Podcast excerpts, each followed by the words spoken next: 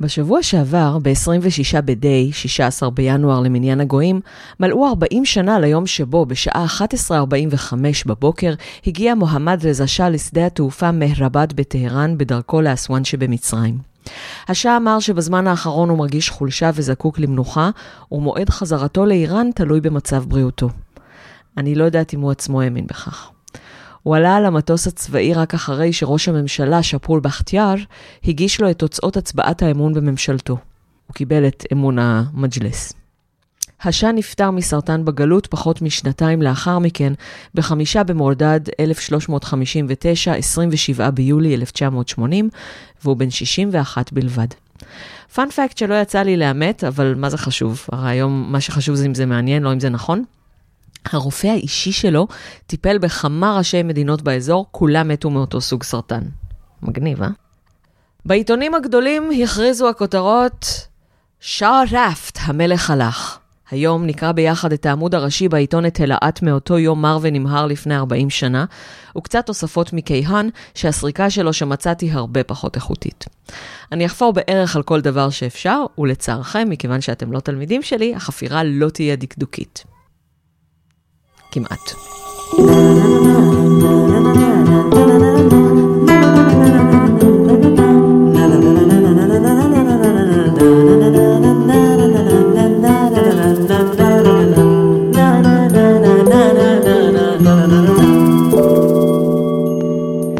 איראניום מועשר איראן מאז ועד היום עם דוקטור תמר אילם גינדין אז שלום, אילן ואילן, צפריר, דביר ויוחאי ראשוני פטרונאי, זה מאוד מרגש. הפרק הזה הוא אשכרה בשבילכם, ואשכרה בפרסית זה גלוי, אז זה ממש משחק מילים נאה. אמ, אם אתם רוצים לראות את העיתון במלואו, הוא בקובץ המצורף לפוסט. אמ, אלה שיש להם גישה לפוסט, וכרגע כל התומכים, לכל התומכים יש גם גישה לפוסט הטקסטואלי. נתחיל ולדבר על התאריך על העיתון, אוקיי? התאריך על העיתון הוא 26 בדי 1357. למה זה חשוב? 1357 זאת הש... הספירה ההג'ריה שמסי. כלומר, אה, ספירה לפי שנות שמש, השנים האיראניות, מההידרה של מוחמד. למה זה חשוב? כי שנתיים קודם לכן שינה השאה את שיטת הספירה למניין שמתחיל מעליית כורש הגדול לשלטון. זה היה במסגרת כל המגמה שלו של חזרה לשורשים, הדגשת הזהות האיראנית-ארית על פני הזהות האסלאמית שמזוהה יותר עם הערבים, וב-1971 הוא גם ערך חגיגת ענק, חגיגות ענק ל-2500 שנה לאימפריה החימנית. שש שנים מאוחר יותר, חמש שנים מאוחר יותר, סליחה, אני צריכה לשנות את זה גם בפוסט. חמש שנים מאוחר יותר שונתה הספירה והשנה הפכה ל-2535. 2,535 שנים משבטו של כורש, של כורש על כס המלכות. 20 שנה מאוחר יותר, הוא כבש את בבל והפך את איראן לאימפריה. כך שהספירה השהנשהית זה לספירה פלוס 559, או 558 בין 1 בינואר ל-20 במרץ. אמ, וכורש כבש את בבל בג' בחשוון, שנת 539 לפני הספירה. הבדיחה הרווחת בשינוי הזמנים האלה הייתה שהשאה הבטיח לקדם את איראן אל העתיד במהירות, והנה, תראו, תוך חמש שנים התקדמנו 35 שנה. כל משרדי הממשלה והאליטות ספרו לפי הספירה המלוכנית, היא עדיין רווחת בקרב מלוכנים ולאומנים, וההמונים עדיין ספרו לפי ההיג'רה של מוחמד. כך שלפני 40 שנה, השנה הייתה שנת 2537 למניין המלוכני, ו-1357 מההיג'רה של מוחמד. ולכן למהפכה קוראים בין השאר מהפכת 57. התאריך 1357 על העיתון הוא הבעת עמדה נגד השאה ובעד המהפכה. בעד חזרה לערכים אסלאמיים. האם זה היה היום הראשון שבו חזרו לספירה? בשבילכם במיוחד מצאתי את כל גיליונות את הלהט מכל הזמנים.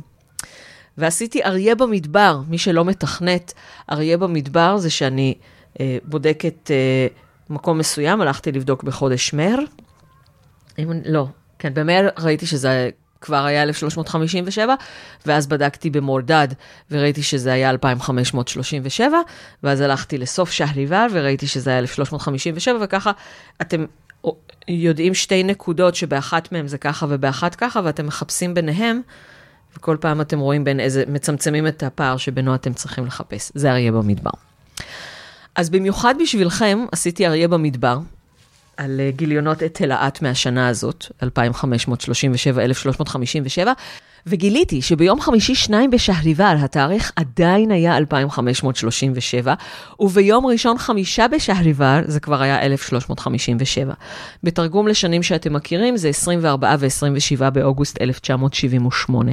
השינוי הזה הוא וואחד נקיטת עמדה.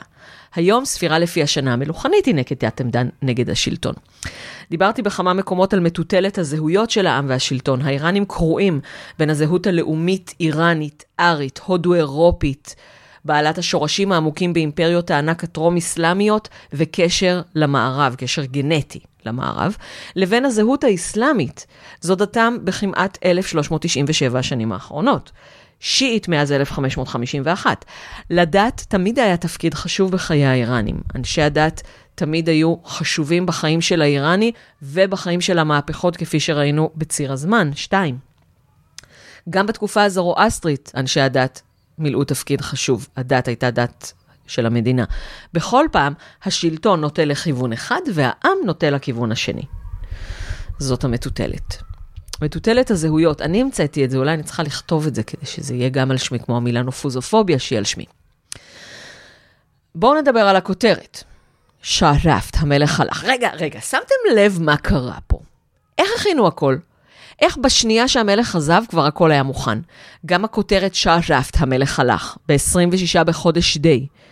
ב-12 בבהמן באותה שנה, אימאם עמד, האימאם הגיע. שתי הכותרות האלה הן מהמפורסמות ביותר בעיתונות האיראנית, ויש מאחוריהן מחשבה קופירייטרית, מתי הספיקו?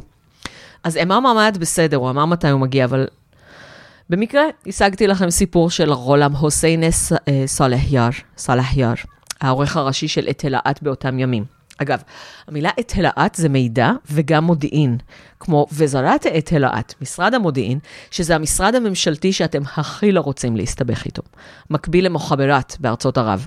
אבל באיראן, אם מישהו אומר לך שהוא עובד במוחברת, זה כמו שישראלי אומר שהוא עובד בבזק. ההבדל בין, הבדל המשמעויות בין מילים איראניות למילים ערביות, זה אחד, הדו, אחד מתחומי המחקר החביבים עליי, ויום אחד אני אפילו אפרסם את זה אולי בבמה אקדמית ואולי רק פה. ב-24 בדי, יומיים לפני עזיבת השאה, סלאחייר תועד אומר, מכיוון שעזיבת השאה היא סופית, והצלחנו להשיג תאריך ואפילו שעת טיסה, כן, הוא אומר את זה יומיים לפני שהשאה הלך, אני צריך לצפות מה הולך לקרות. עכשיו, הביטוי המקור... המדויק היה ביד פישביניה קרהרה בוקונה, והתרגום המדויק יהיה, אני, צריכה, אני צריך לעשות את תחזית המעשים. או את תחזית האירוע, כאילו מה שקורה, מה שנעשה. אני יודע שבשעה שבה עוזבת הטיסה, אי אפשר להביא תמונות לעיתון ולהביא את כל הפרטים של האירוע החשוב הזה. לכן, ניצלתי את ההזדמנות שנקרתה לי. אני אקח את... uh, עכשיו, אני לא יודעת אם זה הווה סיפורי, או שהוא אה, אומר מה הוא עשה. נראה לי שזה הווה סיפורי. רגע, אני מתקנת את הפוסט. לכן ניצלתי את ההזדמנות שנקרתה לי. אני לוקח את הבס, הבושם מוז'דה בחש. איזה שם יפה זה مژده‌بخش. مژده זה בשורה ו بخش זה מעניק. אז مژده‌بخش, بخش הוא מביא בשורות טובות. אני לוקח את הבושם מוז'דה בחש, ראש מחלקת העימוד ואחראי על עימוד העמוד הראשון של העיתון לפינה מבודדת ויושב לדבר איתו. סוגיית הכותרת הראשית של העיתון ביום עזיבת השעה מעסיקה את מחשבותינו כבר זמן מה. כתבתי את שתי המילים האלה על פתק קטן, נתתי לאחראי הטכני ושאלתי אותו, שתי המילים האלה זה שרפט. אתה יכול להגדיל את שתי המילים האלה באמצעות מכשיר אגרן, שאין לי מושג מה זה, אגרן. אה, כך שהם יכסו את כל החלק העליון של העמוד הראשון, הוא היה בשוק. מה, נגמר? אמרתי, אולי, אבל כרגע שיהיה רק ביני ובינך. אני רוצה לקחת פור. בינתיים, גם תסתובב בארכיון ותמצא תמונה של השאה ופרח, שזאת המלכה, בבגדי חורף בשדה התעופה מהרבד, כשגבם אל המצלמה והם מתקרבים למטוס, שיראה כאילו הם הולכים, מתרחקים. תעשה את זה תלת טורי עם הכותרת, ותכין את לוחות הדפוס, ואחרי שתראה לי, שים במגירה שלך ותנעל אותה. אני לא חושב שזה יישאר במגירה הרבה זמן. שמחתי ב-100% על אבאסה מוז'דבש.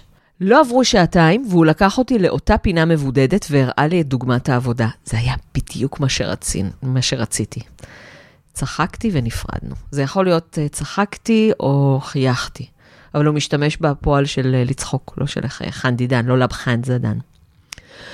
אני לא יודעת איך כיהן גנבו להם את אותה כותרת. טוב, תכלס, זה לא כאילו כזה קופי רייטינג, אבל זה כל העימות וזה. אולי גם בכיהן היה סיפור דומה, אבל הגרפיקה שלהם בהחלט הייתה פחות מרשימה, ולכן כשאתם מגגלים שרפט, תמצאו בעיקר את הכותרת של את אלעט.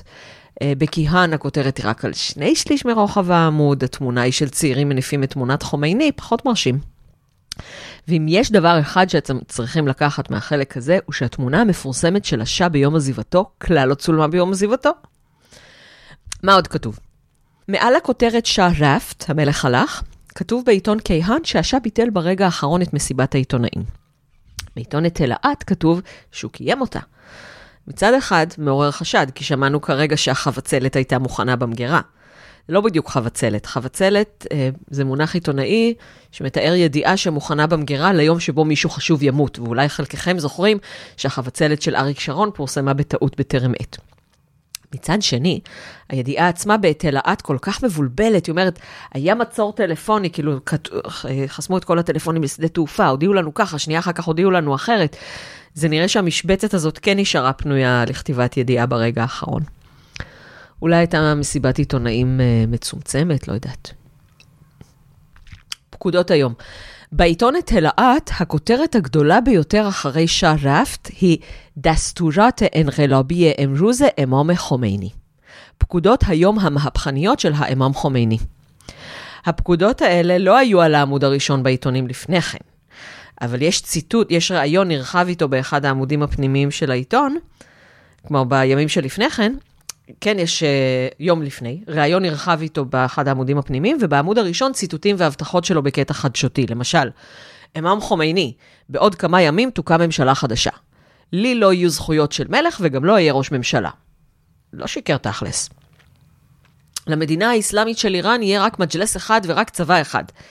ועל כך נאמר בראייה היסטורית, כן, יש רק מג'לס אחד, אבל בפרק הקודם כבר נתתי את הוידאו של מבנה השלטון, אני אתן אותו שוב כאן, ויש מג'לס, מועצת שומרי החוקה, מועצת המומחים, מועצה לקביעת האינטרס של המשטר, נו באמת. אז יש את כל המועצות האלה, ויש רק צבא אחד שקוראים לו ארטש, אבל יש את משמרות המהפכה, שיש להם את משמרות המהפכה לבפנים וכוח קוץ לבסו, לבחוץ, ויש, ויש את הבסיד, שהוא גם חלק ממשמרות המהפכה וגם כוח צבאי, ויש נירוי אנטזמי, שזה מילולית הכוחות המזוינים, אבל מעשית זאת המשטרה. בקיצור, כאילו, יש הרבה כוחות שנלחמים ומגנים על השלטון, אה, שזה משהו שהוא די... אה, אה, די חכם, כי אז נגיד אם הצבא עובר צד, אז עדיין יש עוד צדדים. אה, ואם אני כבר בעיתון של היום שלפני, יש בו המון כותרות מעניינות, ואני לא יכולה לתת את כולן, אבל את, את זאת אתם, חייבים לשמוע. אנשי הדת השיעים תמיד התרחקו מצבירת ממון. איזה צחוקים, כלומר, איזה עצוב. אוף, אני לא מצליחה להפסיק עם כותרות היום שלפני. בכתיאר, ראש הממשלה שמינה אשם מבין מתנגדיו האינטלקטואלים. אה, יוסי אלפר מדבר עליו בפרק המצמרר ביותר שהיה לנו עד כה. אה, והשאר, כמו שעכשיו חמינאי אפשר לרוהני להיבחר, למרות שהוא היה הכי רחוק ממנו מכל המועמדים, אמ, כדי שלא יקרה מה שקרה ב-2009. אז אותו דבר, השאה, היו לו מתנגדים מהרבה חוגים, אז הוא מינה את זה שהוא הכי אינטלקטואל, כלומר, כן קרוב למערב בדעותיו, אבל עדיין חושב שצריך יותר חופש ביטוי וזה וזה. חופש הביטוי, זאת גם הסיבה שנתנו לחומייני כותרות, כן? אה, אז בכתיאר קיבל הצבעת אמון בסנאט. בכתיאר אמר, מועצת המהפכה אינה יכולה לטאטא את ממשלתי. ברדיו לונדון אמרו שבכתיאר חייב להבטיח שהשי ילך ולא יחזור. כך לפי העמוד הראשון של את אלעט מיום 25 בדי 1357. בימים הבאים ממשיכים עם חומייני בעמוד הראש, הראשי. יש תמונה ענקית שלו, יום אחרי, וכתוב, אחרי עזיבת השאה, אמם חומייני, אללהו אכבר. חצי עיתון, אללהו אכבר. בקטנה גם נהרגו אלף אנשים ברעידת אדמה בחולסן, לפחות האדמה לא משתנה. שימו לב שכבר בשלב זה קוראים לחומייני אמם, כלומר העלאה בדרגה לא הייתה אחרי מותו, אלא ממש בחייו. עקרונית, בשיעה היו רק 12 אימאמים וזהו. מי שלא זוכר, מוזמן לפרק הראשון שלנו עם דוקטור אורי גולדברג בנושא. טוב, מרוב חפירות ודיגרסיות, אתם בטח לא זוכרים שהיינו בפקודות היום של אמאם חומייני. אז הנה הפקודות. نمایندگان مجلس و اعضای شورای سلطنتی خارج شوند. עכשיו, כאן יש טריק יפה של השפה הפרסית. הפועל חרד שודן, חרד שוונד, בסוף הוא דו-משמעי. יכול להיות גם פועל עומד וגם פועל סביל. כלומר, יצאו או יוצאו. האם הוא פוקד שנציגי המג'לס וחברי המועצה המלכותית יעופו בעצמם, או יועפו. גם חרד שוונד זה מילולית יוצאו, האם זה מהמדינה, האם זה מהעבודה, זה כנראה יפוטרו, אבל... אה, אבל אפשר, והאיראנים עושים את זה המון, משתמשים בצורה הזאת של בינוני פועל פלוס הפועל שודן להפוך ל, אה, כדי להגיד, מה פתאום? לא אמרתי, לא אמרתי שצריך למחות את ישראל, לא אמרתי, כשאומרים ישראל ביד אז סהנה ירוזגר מהפשבד, אני לא מתכוון, שצריך למחוק את ישראל, אלא שעל ישראל להימחק. זה לא הופעל, זה נפעל, נמחק. אז הם יכולים להגיד שהכוונה היא שתיעלם בעצמה ולא שיעלימו אותה, שתכלס אני חושבת שאנחנו די בכיוון, אבל הרפובליקה האסלאמית יותר. אה, גם בכיהן יש כותרת גדולה שאומרת שחומייני מזהיר את נציגי המג'לס והמועצה המלכותית. ממש מבאס אותי שאין באינטרנט סריקות באיכות טובה שמאפשרות לראות את הפרטים של האזהרה. ואם תהיתם מה יקרה עכשיו כשהמג'לס פוזר, אז בעמוד הראשון של כיהן מופיעה רשימה של חברים אפשריים במועצת המהפכה האסלאמית, ושוב, הכתב מאוד מטושטש, אז קשה לי לומר לכם מי היה ברשימה, ואפילו מי בתמונות. ביום שאחרי, התמונות, אה, את התמונות שמתי ב... הפוסט המצורף הפתוח לכולם באיראניום מועשר, כי עוד לא הצלחתי להבין איך עושים את זה בפטריון. ביום שאחרי, המג'לס כבר בדרך להתפרק, שר המשפטים התפטר, שר החוץ פיטר שמונה שגרירים, בקיצור, שמח. פקודה שנייה, کشاورزان بیشتر بکارند و جلوی خروج گندم را بگیرند. החקלאים יזרעו יותר וימנעו יציאת או הוצאת אה, חיטה, כלומר ימנעו יצוא חיטה, כדי שלא יהיה לנו מעלה, כדי שיהיה לנו מה לאכול כמובן. אחת הבעיות של הרפובליקה האסלאמית עד עצם היום הזה היא חקלאות יתר. זה עוד יותר אחרי המלחמה, אחרי שחומייני מת, אבל חקלאות יתר זה אומר שצורכי מים יותר ממה שמשק המים של המדינה מסוגל לספק. עוד לפני הבצורת של השנים האחרונות. ואז שואבים יותר מי תהום ממה שכדאי, מאגרי מי התהום מתרוקנים, ונוצרת שכבה ריקה בין שכבות אדמה. האדמה מתמוטטת באופן לא מאוזן, נוצרים בורות ובולענים, ואנחנו נדבר על זה בהרחבה עם פרופסור עמוס פרומקין מהאוניברסיטה העברית, באחד הפרקים השוטפים של איראניום מועשר השנה. על זה ועל רעידות אדמה ועוד, אה, ועל מערות כמובן, כי זה הכי מעניין. ارتش جلوی بیرون بردن سلاحهای אמריקה را בגירד. הצבא ימנע את הוצאת הנשק של ארצות הברית. כאן הפועל המורכב הוא לקחת החוצה, אה, אז ברור שהכוונה היא לא לבריחת נשק עצמאית, אלא שמישהו אשכרה יוציא אותו, שזה גם די הגיוני, כי מדובר פה ב-inanimate object. הכוונה היא כנראה לנשק שנתנו האמריקאים לצבא השאה, מן הסתם. אה, הצבא, אגב, נשאר נאמן לשאה ברובו, קצינים בכירים ברחו, הוצאו להורג או ניסו לעשות מהפכת נגד שכשלה. אה, אז קצת לא ברור לי איך חומייני נותן פקודות לצבא. אולי הוא עוד לא הבין שהצבא לא איתו. זה שכל כך הרבה אנשי צבא הוצאו להורג ונהרגו ו... אה, או ברחו, זאת הסיבה שהצבא נשאר אחר כך עם מצביעים בני 22 אה, וגנרלים בני 27, וזאת גם אחת הסיבות שסדאם חוסיין תקף אותם, כי איך אפשר לא לנצל הזדמנות? החלק הזה, לא כל מה שאני אומרת אה, נמצא בפוסט של הפרק. זה למשל לא היה. בנק های اسلامی به کشاورزان کمک کنند. יסייעו הבנקים האסלאמיים לחקלאים. האם כבר בשלב זה היו בנקים אסלאמיים, או שהמדינה הפכה... לא ברור לי. לא ברור לי מה, מה זה בנק חיי אסלאמי. יכול להיות שהוא מתכוון, נקים בנקים אסלאמיים והם יסייעו לחקלאים. ארבעין را تبدیل به وسیعترین تظاهرات ملی کنید. הציווי היחיד פה בגוף שני, עד עכשיו כל הציווי היו בגוף, היה בגוף שלישי, מן הסתם כי כאן הוא מדבר לכל האוכלוסייה ולא רק לקבוצה אחת. הפכו את הארבעין להפגנה הלאומית הנרחבת ביותר. בתחתית העמוד הראשון יש גם ידיעה שאומרת שגם סגל אוניברסיטת טהרן הכריז שהשתתף בצעדת הארבעין. באסלאם יש 40 יום אחרי מותו של אדם, אה, שמקבילים ל-30 ביהדות, וה-40, 40, אה, שגם בעברית קוראים לו 40, זה ה-40 של אמם חוסיין. כלומר, 40 יום אחרי האשורה, אחרי מות הקדושים שלו. ואז עושים תהלוכה גדולה, בדרך כלל לקרבולה שבעיראק, אבל אם אי אפשר, אז גם תהלוכה ברחבי הערים האיראניות זה אחלה. בקרבולה אפשר לראות אנשים זוחלים על הרצפה, ו... הנשים האלה, יש, לה, יש להם קטעים. אמ, אז כשחומייני אומר, הפכו את הארבעין להפגנה הלאומית הגדולה ביותר, שימו לב, לאומית, היום לאומן הוא מתנגד משטר. אני שמעתי הרצאה של uh, בכיר בפרהנגסטן, ב, uh, באקדמיה ללשון, ללשון פרסית, שאומר, פרדוסי לא היה לאומן, כלומר, הם כל כך צריכים, uh, לאומן נהיה מילה מסוכנת. כי לאומן זה נגד המשטר. למעשה גם אז לאומן היה נגד המשטר, כן? אז הם אמרו, אתם עושים אותנו מערביים במקום מוסלמים. עכשיו הם אומרים, אתם עושים אותנו מוסלמים במקום מערביים. כי אז הם לא כל כך זוכרים את הזהות האיראנית, ואני חושבת שאם הם היו יודעים מה כוללת הדת הזרואסטרית באמת במקור, יש מצב שהם לא היו כל כך רוצים לחזור אליה, כן? נישואי קרובים מדרגה ראשונה, שתן פרים וזה. בקיצור, גם אז לאומן היה מתנגד משטר, וגם היום לאומן הוא מתנגד משטר, רק שאז המשטר היה מלוכני, והמהפכנים קראו לעצמם לאומנים. זאת אותה מטוטלת זהויות שדיברתי עליה. כשהמהפכה הייתה נגד המלך, האלבעין, ההפגנה השיעית הגדולה, או התהלוכה השיעית הגדולה, הפכה להפגנה לאומית. גם בקייהן יש כותרת גדולה שאומרת שתהלוכת האלבעין היא חובה לאומית, חובה הלכתית ולאומית, שרעי. אני מתרגמת הלכתי. ושוב, אה, שירת הזהות הלאומית בדת. ואם בארבעין עסקינן, 40 ימים זה משך זמן טיפולוגי בהרבה דתות. אזכיר רק את 40 הימים הראשונים של החורף, שמתחילים בלילה הארוך ביותר בשנה, הנקרא ליל ה-40, שבת צ'לה. אה, הוא נקרא גם שבה ילדה, ויש לי עליו פרק דווקא באיראן בקטן, קישרתי מגוף הפוסט. אה, כמה זמן נמשך המבול של נוח, כמה זמן משה רבנו היה על הר סיני.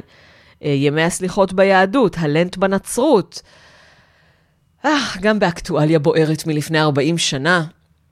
כמה זמן בני ישראל היו במדבר? אני חייבת להכניס בדלת האחורית משהו מהמזרח הקדום. כן, כן, אני יודעת, זה לא היה 40 יום, זה היה 40 שנה, אבל 40, זה קטע. עוד כותרות. מצרים מצפה לשאה. אנחנו יודעים שאנואר סאדאת קיבל uh, את פניו של השאה באסואן, אנחנו גם יודעים שהשאה נפטר במצרים ושקברו עדיין נמצא שם במסגד מסג'ד אל-רפאי, שאני מניחה שבערבית זה יהיה מסגד אל-רפאי. אמ, קברו שם הפך פחות או יותר למקום עלייה לרגל. כלומר, אמ, פחות או יותר כי מצרים לא מאפשרת לאיראנים להיכנס אליה, או לא מאפשרת להיכנס אליה עם דרכון איראני, אז רק אלה שיש להם אזרחות כפולה יכולים לעלות לרגל לקבר השעה, ויש להם דברים יותר חשובים לעשות. אבל לפני כמה שנים, כשהיו דיבורים על נורמליזציה של היחסים בין מצרים לרפובליקה האסלאמית, אחד הטיעונים נגד בתוך הרפובליקה האסלאמית הייתה שזה עלול להפוך את קבר השאה למקום עלייה לרגל. עוד פאנ פקט, במסגד הזה קבורים גם כמה ממלכי מצרים. אני לא זכרתי את זה, אבל מתברר שהיו גם מלכים בשר ודם ולא רק פרעונים. זה היה בין 1922 ל-1951, גם אני שכחתי, תודה לוויקיפדיה. אה, גם גופתו של רזה שאה, אביו של מוחמד רזה שאה, אה, עברה שם בקבורת ביניים בין פטירתו ביוהנסבורג לבין קבורתו במאוזוליאום המפואר שהקים לו בנו. אותו מאוזוליאום שהעם והמהפכנים הרסו בתחילת המהפכה, וגופתו החנותה של רזה שאה מעולם לא נמצאה בה. התיאוריה המקובלת הייתה שמשפחת השאה הבריחה את הגופה למקום בלתי ידוע בארצות הברית כדי שלא יתעללו בה, אה, למרות שזה בלתי אסלאמי להתעלל בגופות. אה, עד שלפני כשנתיים, כשהרחיבו את בית הספר הגבוה ללימודי דת, שנבנה על חורבות המאוזוליאום, נתגלתה גופה חנותה באותה תנוחה כמו לזשה המנוח. אחרי כמה ימים של הפגנות והתרגשות, נעלמה המומיה המסתורית שוב לבלי שוב. הפעם באמת לבלי שוב. כותרת נוספת, ראש הממשלה קיבל היום הצבעת אמון מהמג'לס, והודיע זה אנחנו כבר יודעים שהוא קיבל, אבל הוא הודיע, החלה חקירתו של ארתשבוד נסירי. כבכל מקום יש לטהר את הצבא מגורמים מזוהמים, אך יש לזכור שחולשת הרוח של הצבא היא חולשת הרוח של האומה. ארתשבוד זאת הדרגה הצבאית הגבוהה ביותר, וארתשבוד נעמתולlah א-נסירי היה מפקד הסב"כ. סב"כ זה ראשי תיבות סזמן אתלעת או אמניית הקשבר, אתלעת אתם זוכרים משם העיתון מודיעין. סזמן זה ארגון, אמניית זה ערבית, אה, ביטחון, קשבר זה מדינה. סזמן אתלעת או אמניית הקשבר, ארגון הביטחון והמודיעין של המדינה. סב"כ נשמע כמו שב"כ, וגם עבד כמו שב"כ. ביום שלפני או אחרי כתבו שהם הוציאו מעצירים הודעות באמצעות שוקים חשמליים ומחטים לוהטות. שזה נורא ואיום, אבל יחסית למה שהולך היום, זה משחק ילדים. החקירה של ארתשבוד אה, נסירי כנראה הייתה מאוד מוצלחת, כי הוא הוצא להורג ב-26 בבהמן באותה שנה, שזה בדיוק חודש אחרי. קצת על יחסי חוץ. תלו את ראש היועצים הצבאיים האיר... האמריקאים באיראן.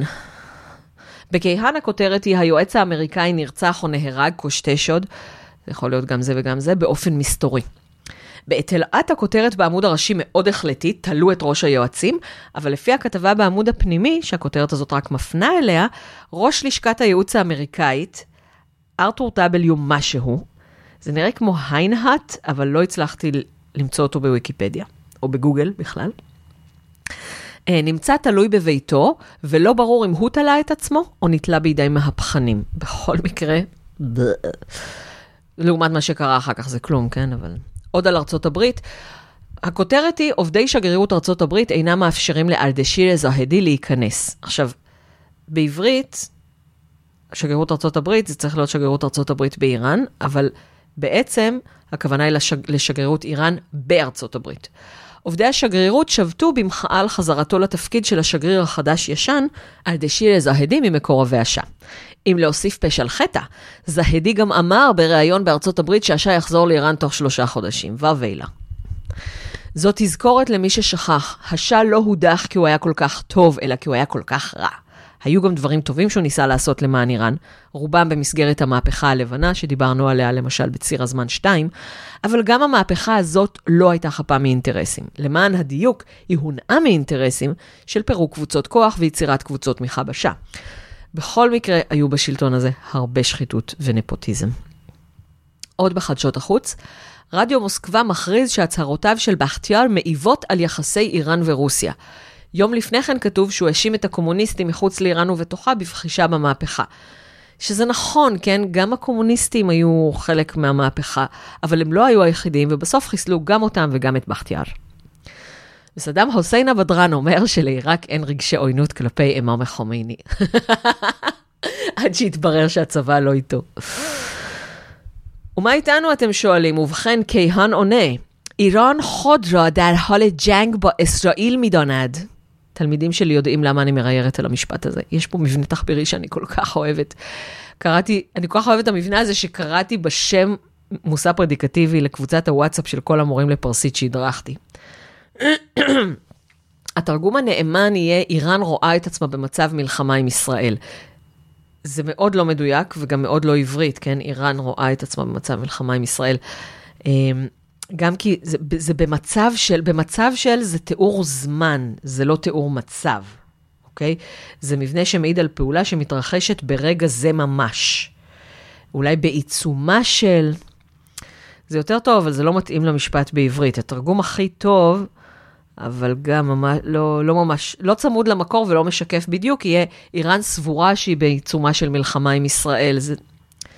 בקיצור, זה עכשיו איראן, אחרי שהשאה הלך, וחומייני באיראן, אז אנחנו במלחמה עם ישראל, וזה ביום שהשאה עזב.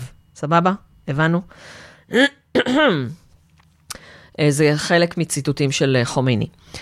הבנתם את רוח הדברים, ואולי גם הבנתם למה צריך ללמוד פרסית. ועוד קצת חדשות פנים.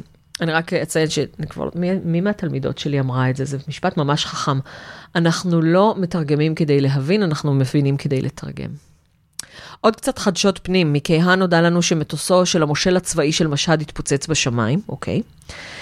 Uh, מה יהיה עם משכורות עובדי המדינה החודש? זה בכותרת הראשית, ובקטן כתוב שפרטים בעמוד 8, אז בדקתי בשבילכם בעמוד 8, ואתם יכולים להירגע, המשכורות ישולמו החל מתחילת השבוע הבא. היזהרו ממהירות מופרזת, מכריזה כותרת יפה וקצת נבואית בעמוד הראשון. המאמר שאליו מפנה הכותרת מדבר על אה, בערך מה שקרה. שאנשים מושחתים אה, יגנבו את השלטון ויתחילו להיפטר מאויביהם, ו... זה מאמר מאוד חופר ואתם פחות או יותר יודעים כבר מה קרה, אז אני לא אביא את כולו, אבל uh, בכל זאת, יש כותרת בכיהן שאומרת שהמרקסיסטים חופשיים להביע את דעותיהם. שמרתי את הכותרת הזאת לסוף כי היא ממש ממש מצחיקה אותי, או אולי דווקא ממש ממש עצובה. Uh, זה מה שאומרת הכותרת הגדולה. בקטן לפני כן כתוב, חומייני, דר סורת האדם מטוטאה, יעני, אם אין קונספירציה, אזי. נו טוב, אתם בטח יודעים שגם הקומוניסטים הועמדו אל הקיר יחד עם כל הקבוצות האחרות. אני לא יודעת אם העיתונים מהתקופה מפחידים אותי כי אני יודעת מה קרה אחר כך, או כי באמת היה מפחיד באותם זמנים. האמת היא שממש קשה להפסיק עכשיו לקרוא עוד קדימה ואחורה ולראות בזכוכית מגדלת גם איך דברים התפתחו וגם אילו דברים לגמרי נשכחו, אבל צריך גם להקליט ולהעלות את הפרק מתישהו. אז...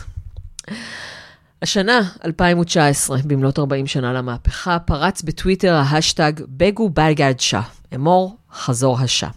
זה משחק מילים. مرگ بر شاه זה מוות למלך.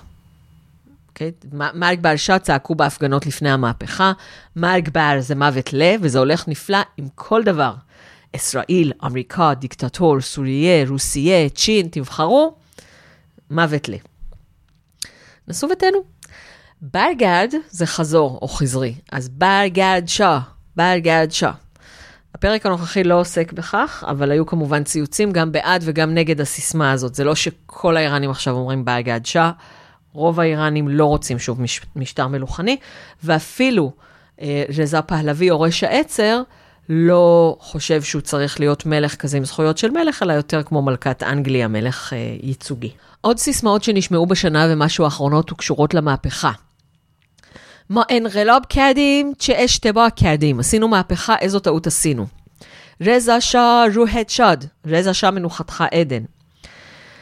אי שאה איראן, בגד באיראן. אם יש לכם אה, אוזן חדה וזיכרון מעולה, אז אתם יכולים להבין בעצמכם, אני אגיד שוב לאט. אי שאה איראן, בגד באיראן. שאה איראן, הו מלך איראן, בגד חזור באיראן, לאיראן.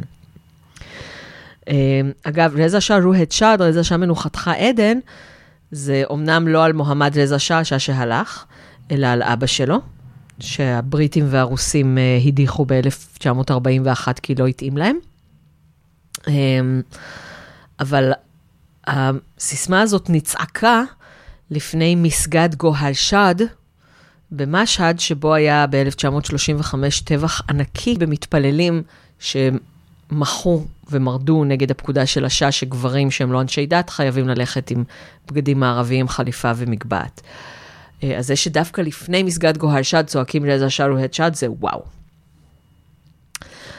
אז האם אנחנו נמצאים על סף מהפכת נגד?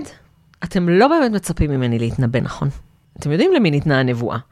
אני רק יכולה לומר שהמצב מעולם לא היה רע יותר, ושהוא יהיה עוד יותר רע, ושהוא לא יימשך לנצח, ואחר כך לא בטוח שיהיה יותר טוב. יאללה, אני מתחילה לדבר דיבורים פסימיים, אז תמום שוד רפט, שזה בפרסית, נגמר ודי. הפרק הזה מבוסס על שיעור המהפכה בקורס קריאת טקסטים היסטוריים בפרסית במרכז האקדמי שלם. תודה לתלמידי שנה ד', און ואליאור, שבחרו את הקורס ועזרו לי לבנות אותו. המון תודה לכל פטרונאי, ובמיוחד ליוחאי בן עמי. נהניתם? ספרו לכולם ששווה לעשות מנוי לפרקי הביניים, במיוחד אתם מוזמנים לכתוב בקבוצה או בעמוד שאלות ודברי תשבחות על הפרק. לא נהניתם? לא ייתכן! אבל ספרו לי בפרטי, למה. בתור פטרונים אתם פטורים מלשמוע איך עוד אפשר לעזור לי, כי אתם כבר תומכים ביצירה שלי על בסיס קבוע, וזה מאוד מאוד מאוד מחמם את ליבי, תודה. אז בואו נשמע שיר של קיוסק. בחרתי את השיר שב רפט, הלילה חלף, כי למדנו היום את הפועל רפט, הלך, וראינו שבהקשר של השעה, המשמעות היא עזב, הלך לבלי שוב. בשיר הזה גם מדובר על חלף, הלך לבלי שוב. אה, זה לא תמיד לבלי שוב, כן? יכול להיות גם סתם נסע לטיול ותכף יחזור. המשפט השני בשיר הוא מהרפט. גם בשברפט וגם במהרפט יש דמיון צלילי נאה לשהרפט. אה, מה זה ירח או חודש. אה, ומכיוון שהשירים שלהם תמיד מלנכולי משהו, בטוח נוכל למצוא איזשהו קשר מטאפורי למהפכה. אז בואו נשמע. הלילה חלף, הירח הלך, הכוכבים נעלמו, אבל השחר לא הגיע. האפלה נשארה, יום חדש לא הגיע. שנים, חודשים, שניות חלפו בלעדייך, ואני חיכיתי לך ולא שמעתי ממך דבר. עובר אורח מעיר הסיפורים, כל הזמן אמר שיום אחד תחזרי. הסיפור שלנו נגמר.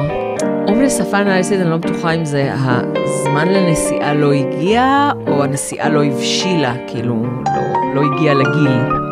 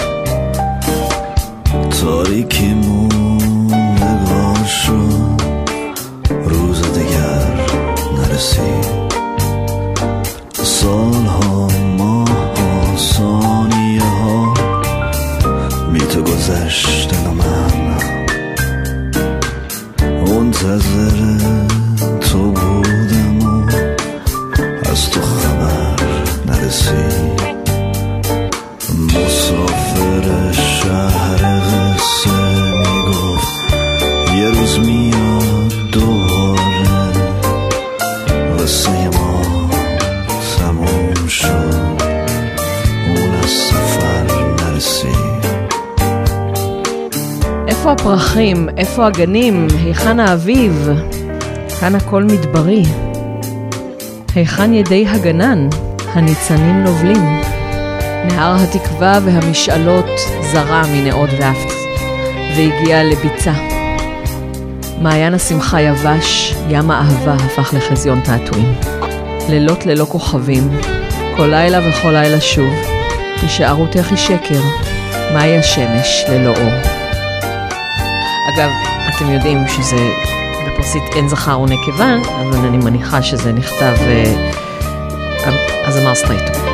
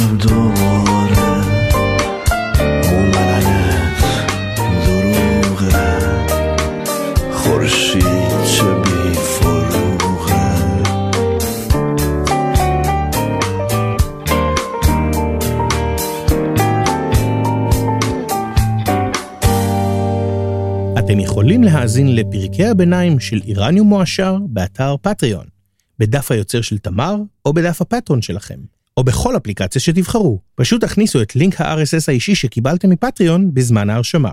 אם אתם לא בטוחים איך, אתם כנראה ממילא לא שומעים את החלק הזה בפרק. אימייל ליצירת קשר, איראניום שטרודל זרש.co.il. ואם אתם רוצים לקרוא על אקטואליה איראנית בוערת בראי הרשתות החברתיות, תוכלו לקרוא עליה בחדר 404, room404.net. ברגע שדוקטור תמר אלעם גינדין תואיל להזיז את התחת ולחדש את טורה המצוין מהנעשה באיראן.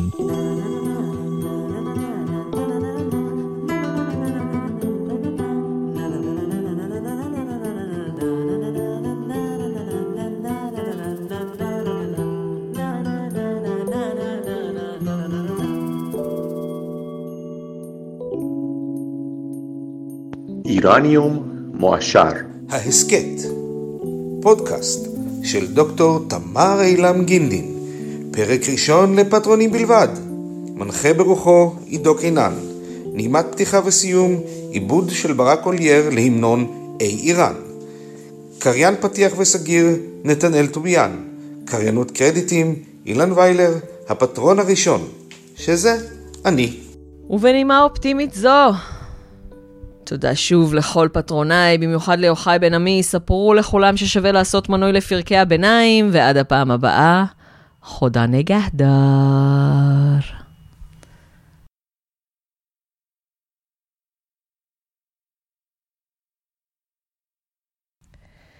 והגענו לפינתנו האהובה, תקציר הפרקים הבאים. הפינה לנהגים ולמאזינים נאמנים. בפרק 48 ב-28 בינואר נשוחח עם פרופסור גלעד צוקרמן על לשונות היברידיות ועל זהות של שפה, ובעצם על המאפיינים המשותפים לפרסית ולעברית. הפרק כבר הוקלט ולכן אה, תומכי מעגל הש...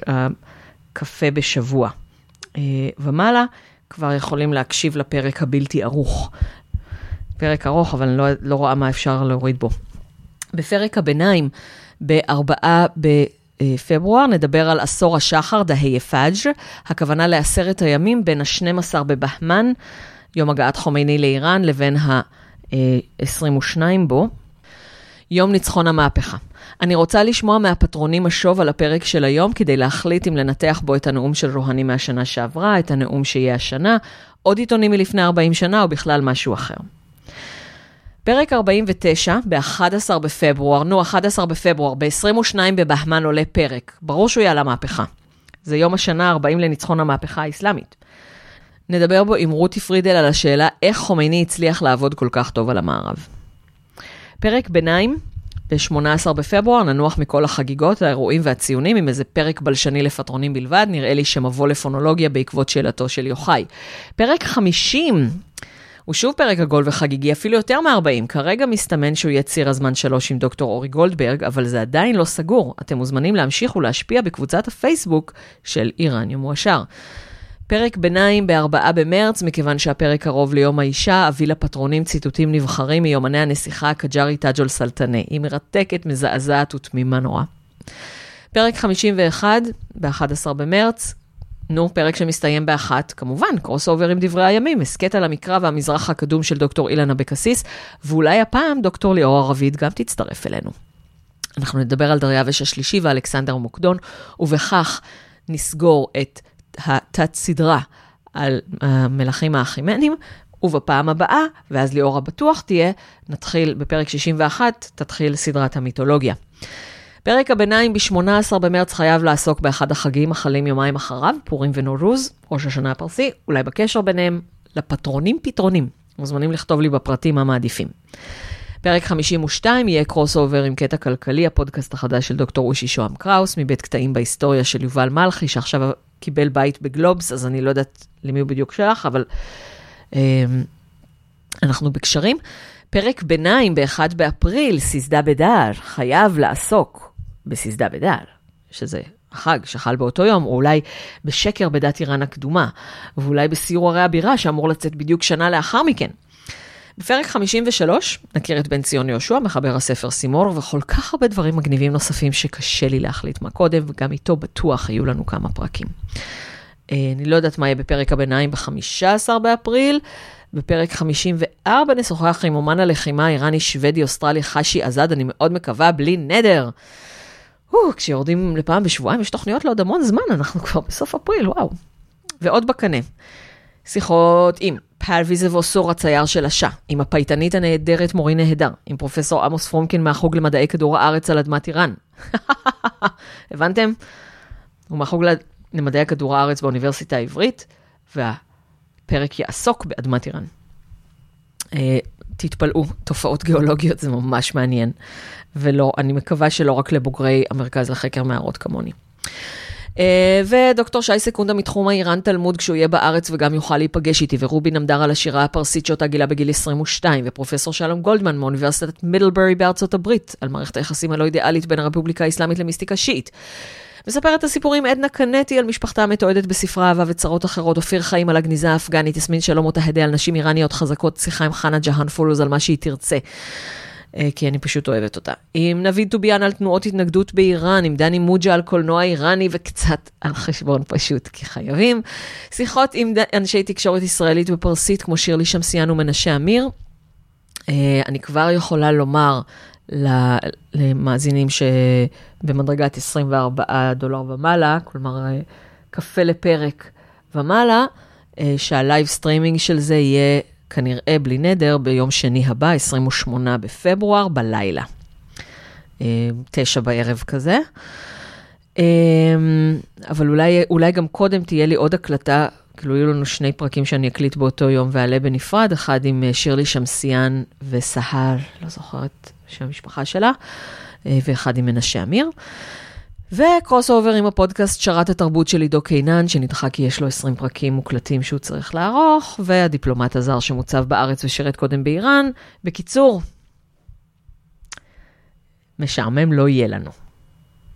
אז תודה רבה על התמיכה בפטריון, ועל הספרים, ועל ההרצאות, ועל הקפה, הוא טעים, נעים, הוא מחמם לב, אבל הכי מחמם לב, קפה בפטריון. שבוע טוב.